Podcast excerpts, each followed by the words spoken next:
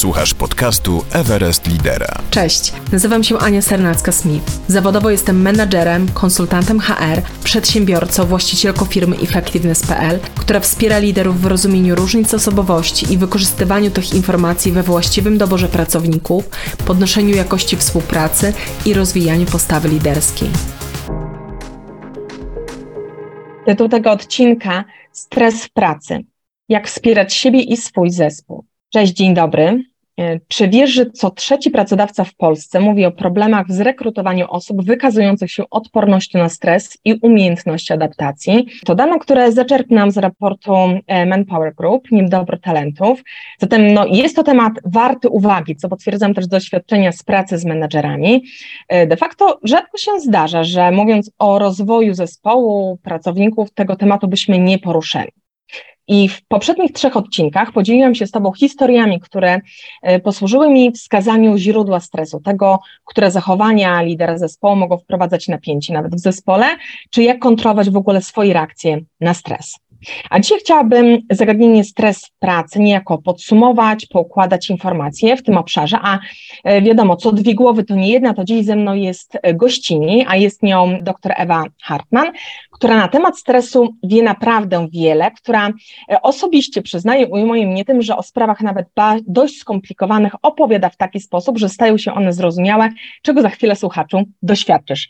I takim wstępem chciałam powiedzieć cześć Ewo. Cześć Aniu, bardzo mi miło. Dziękuję Ci za zaproszenie. Przed tym, jak włączyłyśmy nagrywanie, e, dzieliłam się z Tobą tym, że celowałam w temat, który e, byłby tematem, wierząc dla Ciebie też interesujący, bo bardzo zależało mi na tym, żeby e, mieć Cię jako e, gościnie w naszym podcaście, e, bo to nie jest, wiesz, takie lukrowanie. Rzeczywiście lubię słuchać tego, jak opowiadasz o tym, co się z nami dzieje, co się dzieje w obszarach naszego mózgu, właśnie w sposób, który jest bardzo łatwy do przetworzenia przez osoby, które na co dzień tym tematem się nie zajmują.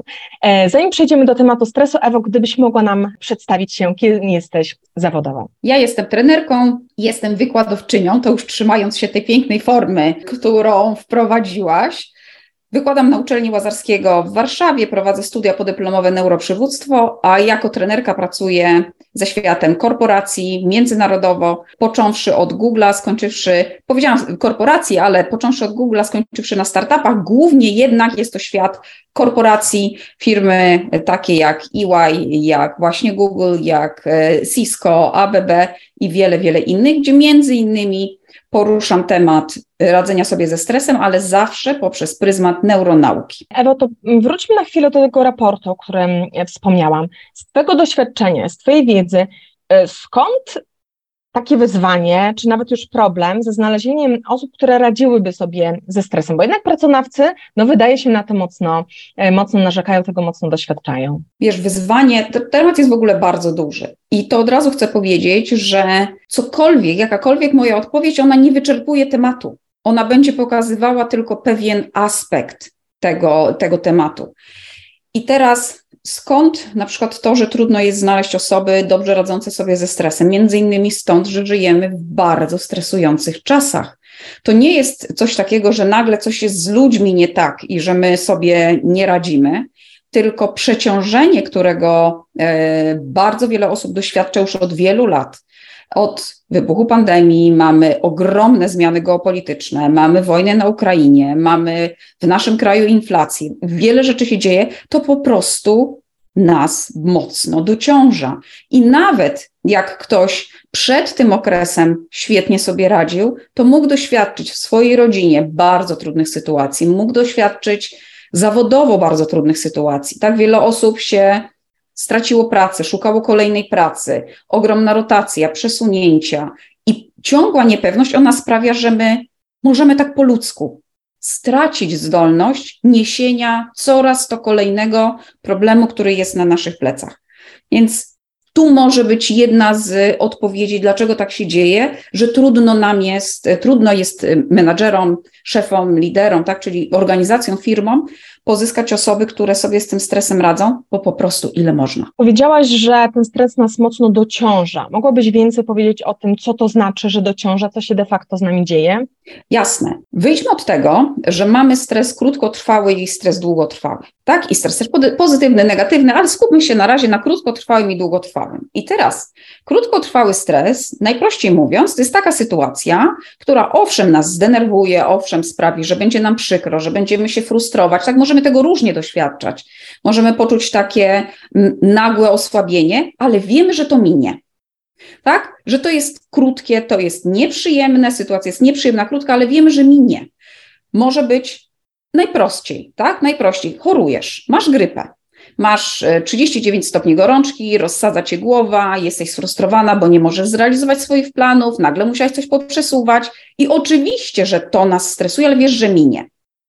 Wyjdziesz z choroby, e, pewnie poczytasz, e, nadrobisz książki niezwiązane z biznesem, tak? Czyli jakąś może jakiś kryminał, czy cokolwiek, co lubisz, przejdzie i okej, okay. i organizm zapomina, tak? On sobie z tym poradzi. Czyli zaczyna się adaptować do sytuacji, układać plan, bo wie, że sytuacja minie i ta mobilizacja organizmu w pewnym momencie puszcza i przychodzi czas takiego, wiesz, resetu, wyciszenia, ok, dobrze, mam już to za sobą.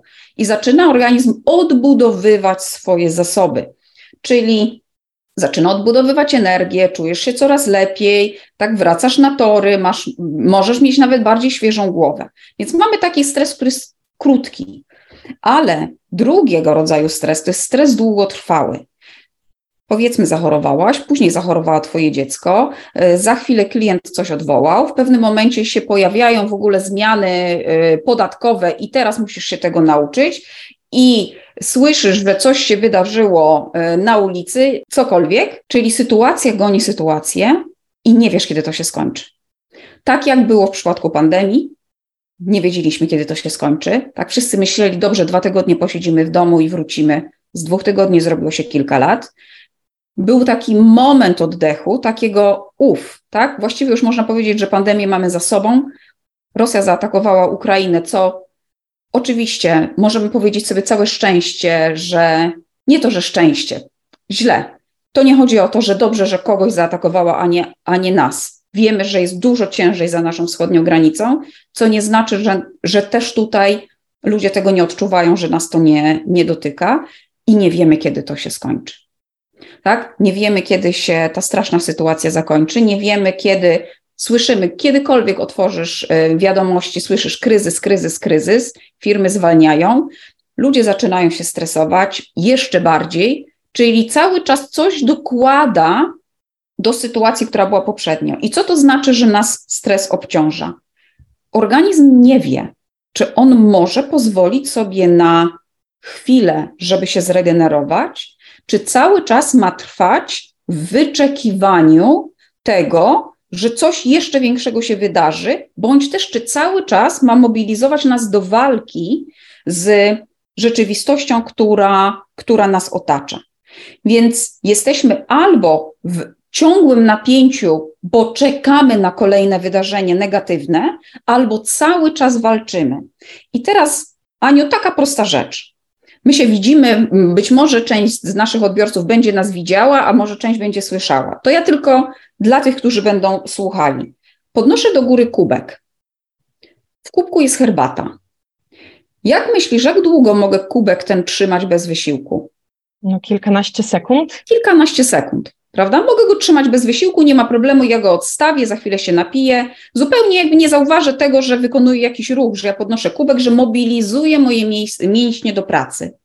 Ale gdyby, gdyby ktoś mi kazał trzymać ten kubek przez dwie godziny, w górze, to w pewnym momencie to się stanie bolesne, uciążliwe. A gdyby ktoś mi powiedział, a proszę tak trzymać ten kubek przez trzy lata, nie wiem, co się stanie z moją ręką, nie wiem, co się stanie ze mną. Tak? Czyli taka banalna sytuacja. Stres nas obciąża, ponieważ stres fizycznie, produkcja kortyzolu, o tak bym powiedziała, fizycznie przepala nasze zasoby, takie jak na przykład witaminy z grupy B do produkcji kortyzolu, czyli hormonu stresu, który w chronicznym stresie produkuje się cały czas, bo ja cały czas nie wiem, czy ja mam być zmobilizowana, czy mam walczyć, czy mam czekać na, na kolejne wydarzenie, ale w napięciu, ale w czujności, ciągła produkcja kortyzolu zużywa chociażby zasoby naszej witaminy z grupy, witamin z grupy B. Do tego produkcja kortyzolu zużywa coś, co się nazywa cząsteczki ATP. To jest energia produkowana przez nasze ciało. Więc dlatego stres nas obciąża, bo on fizycznie zjada to takie składniki, które, e, takie zasoby, które potrzebujemy do normalnego funkcjonowania. Zjada naszą energię, zjada witaminy, tak? przepala minerały i ciała nasze, nasze mózgi stają się coraz słabsze, coraz bardziej wyczerpane, przez to między innymi coraz bardziej narażone chociażby na zachorowania, tak? bo, bo jesteśmy słabsi. O, coś tutaj przyszło mi jakieś powiadomienie. No ale mam nadzieję, że nikomu nie będzie to przeszkadzało, kochani. Nie życie, będzie. A? To mamy stres. Cały czas coś Nie ma co się tym stresować, tak. Albo też zauważyć, jak mówimy o stresie w pracy, może troszeczkę y, biegnę za bardzo do przodu, ale już po tym zdaniu skończę. Właśnie to, co się wydarzyło, to jest kolejny powód stresu.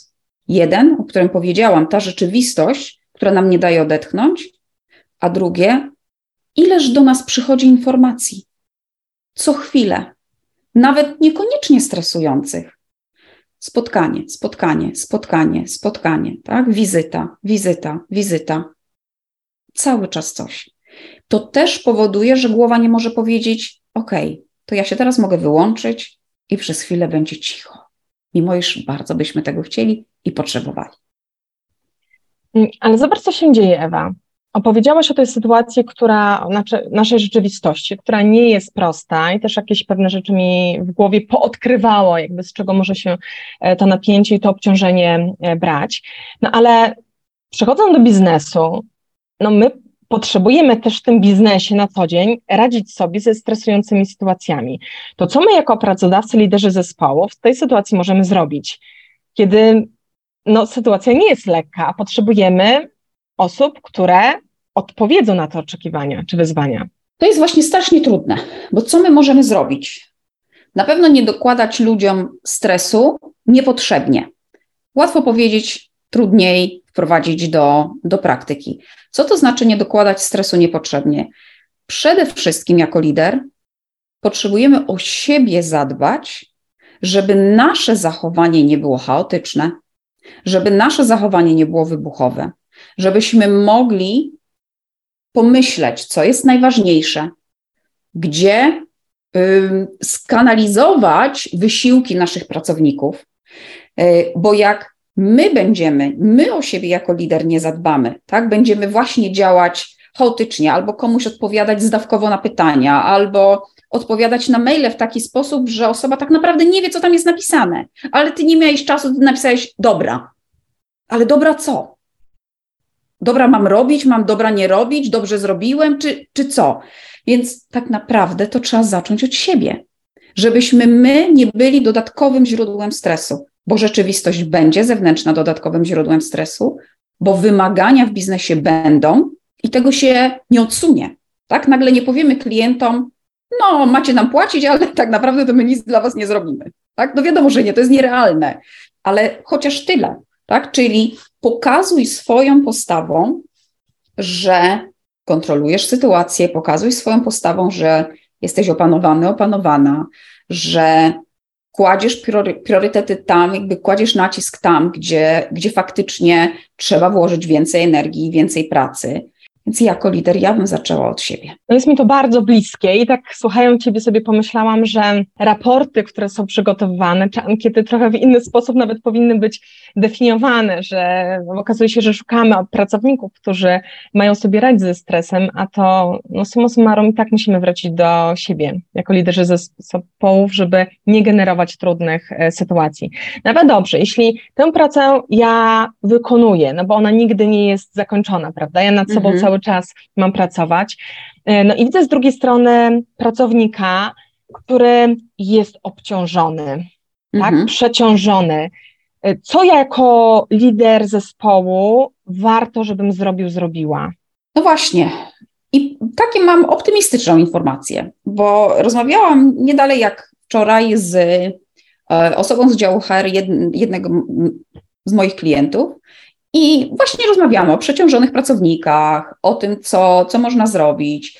I ta osoba z działu HR mówi do mnie tak: Wiesz, Ewa, no ja widzę różnych liderów, widzę różne zespoły, i tam, gdzie lider postawił dobrze priorytety i nie ciśnie, ale zachęca, ma dokładnie te same wyniki, jak w przypadku osób, które tak naprawdę strasznie cisną i wywierają bardzo dużą presję, też ma wyniki w sensie dostarczania, realizowania zadań, ale jeden parametr jest zupełnie inny. Parametr taki, jak czują się ludzie w, tym, w tych zespołach. W tym zespole, gdzie jest zachęcanie, są dobrze ustawione priorytety, gdzie jest wspieranie na zasadzie dobrze, słuchajcie, to siadamy razem i się zastanawiamy, jak możemy sobie pomóc. To ludzie mówią, wiesz co, ja jest ciężko, ale ja widzę, że ja mam wsparcie i ja się czuję dobrze. Natomiast tam, gdzie jest po prostu presja na zasadzie, sorry, ale musisz to zrobić, a ty sobie nie wyobrażasz nawet, ile ja mam roboty, z czym ty do mnie przychodzisz, takie teksty też padają, to ludzie owszem realizują zadania, ale czują się bardzo źle. I ten parametr po jakimś czasie może się okazać kluczowy w tym, że w jednym zespole będzie ciągłość pracowników, bo nie będą chcieli odchodzić, bo wiedzą, że tak naprawdę trawa nie jest bardziej zielona gdzieś indziej. Ludzie sobie zdają z tego sprawę. Wiedzą, że to nie będzie tak, że pójdą do innego pracodawcy i on powie: Kochany, ja cię będę masował, ty sobie sieć, ja ci będę płacił tylko za to, żeby móc na ciebie patrzeć. Wiadomo, że tak się nie stanie, ale w zespole, gdzie jest taka chaotyczna presja, taka zupełnie nieuzasadniona tylko po to, żeby ona była, żebyś, bo my potrzebujemy właśnie jako osoba prowadząca zespół czuć kontrolę, to w pewnym momencie ludzie się mogą zacząć wyłamywać na zwolnienia, wyłamywać się, po prostu szukać innego zatrudnienia, gdzie wiadomo, że wtedy też cierpi klient, bo klient nagle, jak jest obsługiwany przez rok, powiedzmy przez jakąś osobę i tu pyk, jest zmiana, niekoniecznie to lubi, bo a do kogoś się przyzwyczaił, ktoś doskonale już znał temat, nie trzeba było wprowadzać w każdy dokument, w każdy krok, we wszystko, więc to jest możliwe. Tak, to jest możliwe. Takie lepsze przyjrzenie się temu, gdzie my naprawdę musimy włożyć swoją energię, jak siebie możemy, możemy wspierać nawzajem na poziomie, na poziomie zespołu. I ludzie to widzą, po prostu.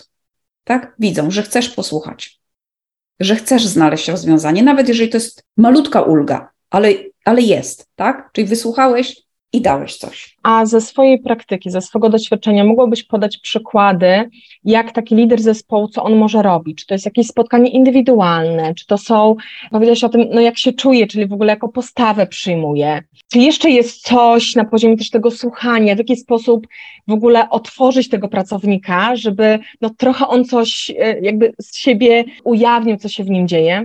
Mhm. Czyli tak, to co już powiedziałaś, a mamy spotkania jeden na jeden, super by było, jeżeli one e, podczas tych spotkań byłoby odrobinę więcej przestrzeni właśnie na wspólne znalezienie rozwiązań co do pewnych tematów. Na pewno czego nie robić podczas takich spotkań, co słyszę, że się dzieje, to nie serwować stwierdzeń w stylu, a ty wiesz, że ja mam pracę? Wiesz, że ja mam na głowie? Ale daj spokój. Byś się ze mną zamienił, dopiero mi zobacz. To, to na pewno nie pomaga, mimo już my mamy czasami pewnie ochotę coś takiego powiedzieć, ale to nie pomaga. Drugie to są spotkania zespołowe, takie szczere i otwarte. Słuchajcie, kochani, wiecie, że wiem, wiem, że jest ciężko. Zastanówmy się wspólnie, co możemy zrobić. Jeżeli wymyka się taka dyskusja spod kontroli, zawsze można iść w ustrukturyzowany sposób, czyli na przykład metodą design thinking. Tak? Czyli po prostu taka, a nie inna burza mózgów, używamy karteczek, tak? Mamy 10 minut na wyrażenie się w taki, a nie inny sposób, czyli ustrukturyzowanie, żeby się nam nie rozeszło e, spotkanie na gorzkie żale. Bardzo ważne na, takim, na takich spotkaniach jest ustawienie ramy na początku. Ile mamy czasu, na co się wspólnie umawiamy, czyli takie y, trenerskie, Ania, podejście. Tak? Kontrakt po prostu. Moi drodzy, temat jest taki i taki. Mamy na to godzinę, mamy na to Nie wiem, ile to zależy, ile, ile możemy sobie na to pozwolić, tak? Ale powiedzmy, mamy na to godzinę, słuchajcie, na co się umawiamy? Czy na co sobie dajemy przestrzeń, a kiedy będziemy reagować i iść dalej, tak? Spisać kontrakt, żeby się nie rozeszło, bo to jest bardzo ważne. Dosyć szybko w takim spotkaniu, gdzie faktycznie mówimy o trudnych rzeczach, możemy wpaść w, w coś, co nic nam nie da tak? Tylko da nam poczucie ogromnej frustracji, że dwie osoby wylały z siebie wszystko, a dziesięć w ogóle nie miało przestrzeni, żeby się wypowiedzieć. Więc to ustrukturyzowanie, tak, bycie moderatorem w takiej, e, w takim, takim spotkaniu, takiej rozmowie też jest bardzo przydatne. Poza tym no, rzeczy, które są dosyć oczywiste, wiesz, to ankiety i tak dalej. Ja uważam, że bardzo wartościowe są ustrukturyzowane spotkania, że wiemy, jaka jest zasada na tym spotkaniu. Że jak nagle ktoś odbije w zupełnie inną stronę z tematem, to mamy prawo powiedzieć, dobrze, ale wracamy do bazy, przypominamy sobie, że to, po co się spotkaliśmy, to jest ustalenie, jak wspólnie możemy sobie pomóc. I tyle. Ja wrócę do, do, do tego zagadnienia, o którym e, zaczęłyśmy, bo pewne rzeczy nam mogą być e, jasne, a może myślimy o nich zupełnie inaczej. O tym chciałabym się przekonać. E, powiedziałaś, Ewa, o tym, że taki lider zespołu wpierw potrzebuje mm, o siebie zadbać, zacząć od siebie.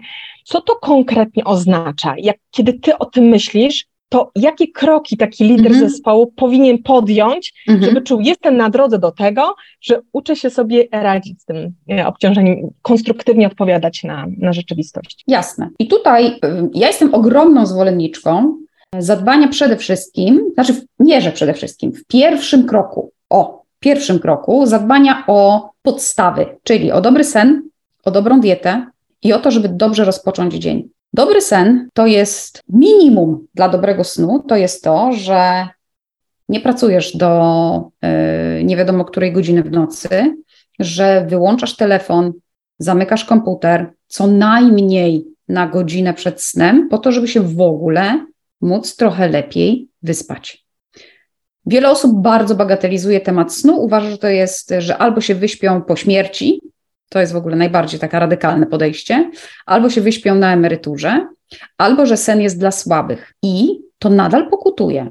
Co jest najśmieszniejsze, to na emeryturze się nie wyśpisz, ponieważ na emeryturze to w sensie, jak się starzejemy, to ta zdolność do zapadania w regeneracyjny głęboki sen, ona też się starzeje, w tym, czyli nie będziemy w stanie tego zrobić, po prostu jakby biologicznie już to przestanie być dostępne, tak jak jest dostępne, jak masz 30-40 lat, tak, czy 50. O, czy wcześniej, oczywiście. Więc e, wyśpij się. Nie udawaj, że to, że ty będziesz siedzieć do pierwszej, drugiej, trzeciej w nocy, to cokolwiek poprawi, to tylko pogorszy. Następny dzień będzie gorszy, więc nie psuj sobie snu. To jest pierwsza rzecz. Są książki, na przykład takie normalne, papierowe, i to poczytanie takiej książki jest bardzo dobrym rozwiązaniem przed snem. Bardzo dobrym.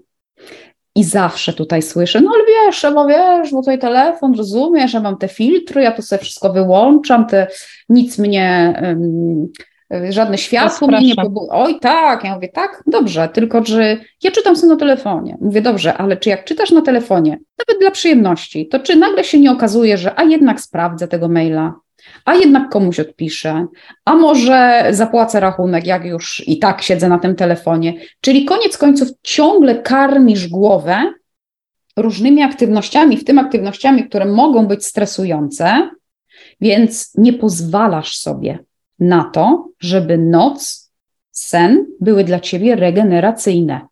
Po prostu sobie na to nie pozwalasz bo jak się zanadto pobudzimy różnymi, różnymi tematami, podniesiemy sobie poziom kortyzolu, to to najnormalniej w świecie wpływa na poziom melatoniny, czyli hormonu ciemności i sen jest po prostu gorszy. Tak więc to jest taka, taka rzecz. Druga rzecz, mówiłam na początku o stresie krótkotrwałym i długotrwałym. I tak jak do tych krótkotrwałych stresów Nasze organizmy są dobrze dostosowane, tak do tych długotrwałych już gorzej. To są tak zwane adaptacyjne e, zdolności naszego organizmu, tak? czyli do takich właśnie krótkich wydarzeń my potrafimy, potrafimy sobie na poziomie biologii, fizjologii świetnie nimi zarządzić, niespecjalnie nawet się musimy tego uczyć, tak? To po prostu mamy. Ale na skutek przeciążenia stresem długotrwałym nasze organizmy zapominają jak to jest zareagować na sytuacje stresowe w sposób adaptacyjny, czyli w taki sposób, który ja zareaguję, a później napięcie schodzi. Tak? Tylko tak naprawdę cały czas coś się dzieje. Albo jestem w ciągłym napięciu, a frustracji, albo bezsilności i to nie schodzi. I jest cudowna metoda, żeby przypomnieć naszemu organizmowi, jak adaptacyjnie reagować na stres. I to są zimne prysznice. Ja wiem, że jak wiele osób to słyszy, to dostaje ciarek na plecach. Mówi, nigdy w życiu. Jakkolwiek brzmi drastycznie być może, metoda jest po prostu genialna. Przebadana na wiele sposobów, mocno rozreklamowana, nazwijmy to, rozreklamowana, bo przecież znana od zawsze przez Wima Hofa i um, jest w, taki świetny podcast Huberman Lab u e, Andrew Hubermana, jeden z niedawnych podcastów, gdzie on rozmawia z panią profesor no i nie pamiętam z jakiego uniwersytetu, ale jak ktoś śledzi Hubermana, wszystko jest, można sobie sprawdzić. I ta pani profesor przebadała właśnie dokładnie to, co tam Wim Hof wyprawia i można podsumować wynik jej badań jednym zdaniem. Bierzesz zimny prysznic, to jest stresujące wydarzenie, ale później organizm sobie kompensuje to stresujące wydarzenie wyrzutem pozytywnych hormonów, dopaminy, serotoniny, acetylocholiny, bo się pobudza też nerw błędny. Tym samym organizm reaguje adaptacyjnie na stres, czyli kortyzol, który wyrzucił się na skutek tego uderzenia zimną wodą, jest zbijany innymi hormonami i neuroprzekaźnikami, często poniżej poziomu, który mieliśmy w ogóle myśląc nawet o tym zimnym prysznicu. I co się okazuje dalej, że ta zdolność organizmu tego schodzenia z kortyzolu zaczyna się aktywować również w innych sytuacjach stresowych. Więc organizm, na przykład telefon od niezadowolonego klienta, będzie traktował tak jak ten zimny prysznic. Najpierw będzie bum, kortyzol, a później szybciej sobie z tym poradzi, właśnie tą tak zwaną pozytywną biochemią. Nie jest to przyjemne, to jest codzienna walka ze sobą. Jak y, jestem jeszcze pod ciepłym prysznicem, bo to nie można się oszukiwać. Na zasadzie najpierw się, proszę bardzo, można umyć, a później tą zimną wodą łobudu. Nie rozgrzewamy się potem cieplutką, nie, nie, nie, nie oszukujemy. Więc codziennie dyskusja samego ze sobą. A czy aby na pewno? Ale, ale po co? I później bum. Natomiast efekt jest. Bardzo to polecam wszystkim liderom. Przynajmniej przez te kilka sekund, 30, może nawet i minutę, kiedy jesteś pod zimnym prysznicem, gwarantuję ci, że nie pomyślisz o pracy. To jest dodatkowy efekt właśnie zimnego prysznica, chociaż te minuta wylogowania głowy. Nasi słuchacze tego nie widzą, natomiast ja się bardzo uśmiechałam, kiedy o tym mówiłaś, bo Ewa, ja to przetestowałam. To naprawdę działa, potwierdzam. Działa. Działa. I to na mnie podziałało lepiej niż jedno szkolenie dotyczące zarządzania sobą w stresie. Tak. E, tak, e, i dzisiaj zupełnie inaczej odpowiadam też na stresujące sytuacje. Właśnie przypominam sobie, tak jakbym sobie przekręciła ten e, kurek z zimną wodą. I to naprawdę tego można się nauczyć. Ewa, jakby nie przesadziłam mówiąc, że właśnie nawet o trudnych, stresujących zagadnieniach opowiadasz w taki sposób, że, że tego można słuchać i słuchać. E, powiedz, e, zanim jakby będziemy zmierzać w kierunku podsumowania, powiedziałaś na samym początku, że pracujesz z dużymi organizacjami. Z Twojego doświadczenia, Ewa, które sytuacje szczególnie dzisiaj generują trudne, takie stresujące, takie napięcia w zespołach. Pytam o to, dlatego że często też liderzy zespołów, mówię też o sobie, nie jesteśmy świadomi, że wiesz, e, dla innych te sytuacje mogą być trudne, gdzie dla mhm. nas po prostu sobie radzimy, nie? To nie mhm. jest wyzwaniem. Ze strony pracowników, co dla nich, to jakby jak odsłuchujesz, co dla nich jest trudne, z czym oni się mierzą? Mówiłaś o reakcjach lidera, tak? Mhm. Czy jest coś jeszcze, co się powtarza? Tak, bardzo. To, co się bardzo powtarza, to jest ilość, czyli ilość zadań. To się bardzo powtarza przeciążenie zadaniami, przeciążenie komunikatorami, przeciążenie informacjami, właśnie ta ilość zadań. I jeszcze, jeżeli zadania są rozrzucone po różnego rodzaju aktywnościach, czyli ja nie mogę tak naprawdę korzystać z pewnego podobnego toku myślenia, robiąc kilka zadań pod rząd. Czyli tak, jedno, rozmawiam z klientem na przykład w Indiach, tak? Czyli A, muszę pamiętać o kulturowej różnicy, muszę się przerzucić na inny język, język angielski, tak? Wysłuchiwać, czy aby dobrze rozumiem, bo mamy inny akcent. Za chwilę potrzebuję napisać raport w Excelu, czyli to jest zupełnie inna bajka dla mojego mózgu. Tutaj muszę się skupić na liczbach, muszę się skupić na tym, żeby nie popełnić jakiegoś błędu, że przecinek we właściwym miejscu. Dla mnie dyslektyka, przecinek, kropka w tym miejscu czy w tamtym nie ma znaczenia, więc dobrze, że się nie zajmuję finansami bo różnie by to mogło wyglądać.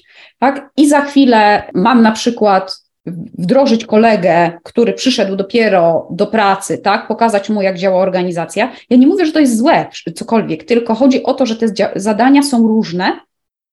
Tak, one wymagają od nas nagle przełączenia się na inny tor, przełączenia, przełączenia, i tych zadań jest bardzo dużo. I kochani, jak nas słuchają liderzy, błagam i zaklinam, nie istnieje coś takiego jak multitasking. Nie istnieje, to wyczerpuje nasz mózg do granic wytrzymałości. Wiele osób myli multitasking z wykonywaniem czynności nawykowej, czyli ja jadę samochodem, przykład, tak? Jadę samochodem, zmieniam biegi, naciskam pedał gazu hamulca, zupełnie o tym nie myśląc, tak? I to, to osoby traktują, ok, to jest kilka zadań. Nieprawda.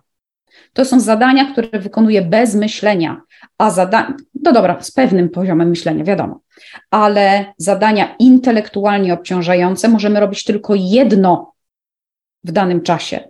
I to też jest ogromne źródło stresu, czyli nie mamy przestrzeni do tego, żeby się skupić. Oczekuje się od nas zdolności skupienia, ale się tej, tej przestrzeni się nie daje. Nasz mózg bardzo cierpi, kiedy jest wyrywany z zadania. Tak, czyli ja OK, odpisuję. Klient napisał długiego maila, potrzebuję naprawdę się zastanowić, co mu odpowiedzieć, bo tutaj coś mogło pójść nie tak, tu potrzebuję mojego wyjaśnienia.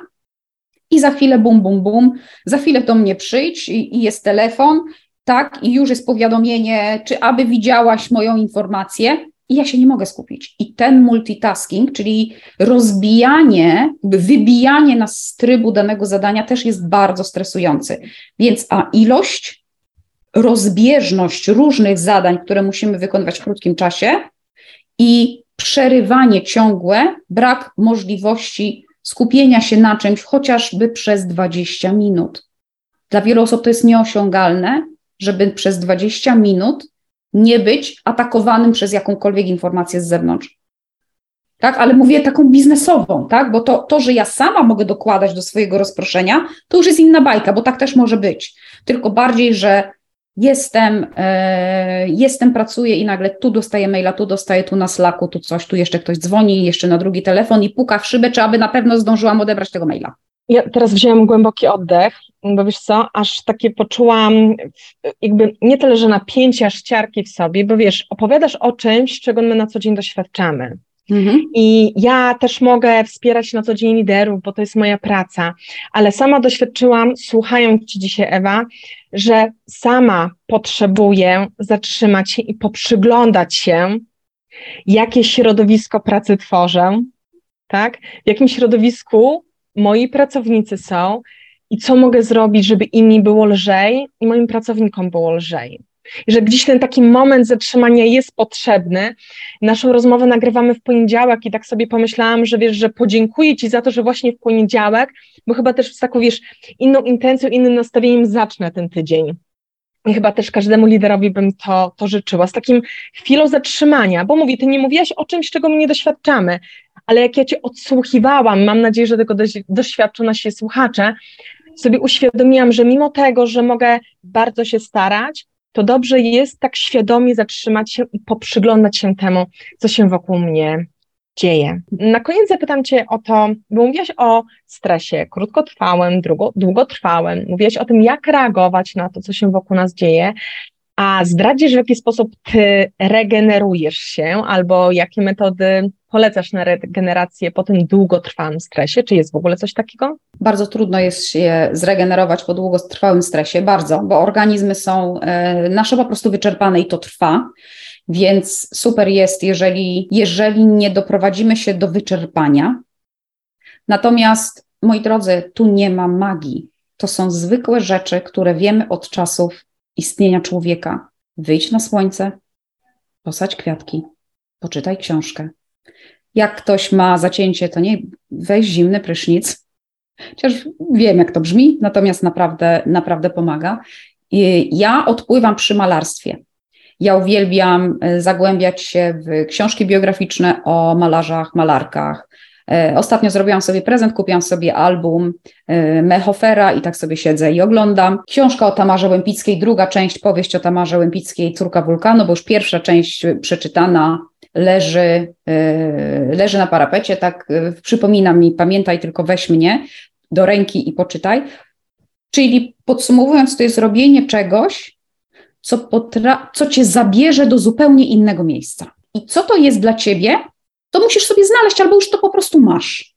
Ale coś, co naprawdę potrafi zabrać w zupełnie inną przestrzeń, tak, żeby głowa mogła się absolutnie odłączyć, bo właśnie w takim momencie odłączenia, spowolnienia, mózg się odbudowuje swoje zasoby energetyczne. Tak więc to jest po prostu potrzebne. Taki inna przestrzeń. Sapkowski też jest świetny. Wiedźmin, polecam. I myślę sobie, wiesz, że sprawdź, ale że też ważne jest to, żeby nie zrażać się, jeśli od razu nam nie uda się tak odetchnąć i właśnie przestawić się na ten e, inny tok myślenia, bo no, będąc w takim napięciu i mając ten nawyk odpowiadania na e, wszystko, co nas stymuluje z zewnątrz, może nie być po prostu prosta. To też wymaga treningu i wymaga uważności na siebie. Ależ absolutnie, ależ absolutnie. To dobrze, że to Aniu powiedziałaś, bo to wcale nie zadziała tak, że ja wezmę sobie, czy ktokolwiek nagle stwierdzi, OK, no to będę czytać o astrofizyce, to przez pierwsze kilka podejść, to prawdopodobnie tak zwany szlak najjaśniejszy cię trafi. To trzeba wiedzieć, że tak jest organizm się do kortyzolu, od kortyzolu uzależnia, więc nie będzie chciał puścić stanu podwyższonej gotowości. I to jest normalne. Tak? I to jest normalne. Po prostu trzeba kontynuować dalej. Kolejna próba i kolejna próba i kolejna i za każdym razem sobie dziękować, jak dasz radę nawet dwie minuty się odłączyć. To już jest super. Tak? To już jest krok do przodu i tak naprawdę osiągnięcie. I chyba, Ewa, zakończę takim podsumowaniem, że jak we wszystkim potrzebna jest decyzja, rzeczywiście chcę o siebie zadbać tak? Bo, bo za tą za decyzją mają później działanie. Ewa, bardzo Ci dziękuję. E, mimo tego, że Cię słucham, mimo tego, że czytam też Twoje publikacje, to każda rozmowa, każde to też odsłuchanie Cię dzisiaj e, dużo wnosi i mnie samą dużo e, nauczyło. I dziękuję Ci też za przełożenie informacji o stresie na bardzo praktyczne zastosowanie. Na tym mi bardzo zależało i to dostałam i wierzę, że to będzie użyteczne naszym słuchaczom. Dziękuję Ci bardzo. Dziękuję również. Dziękuję bardzo. Dziękuję, do usłyszenia. Do usłyszenia.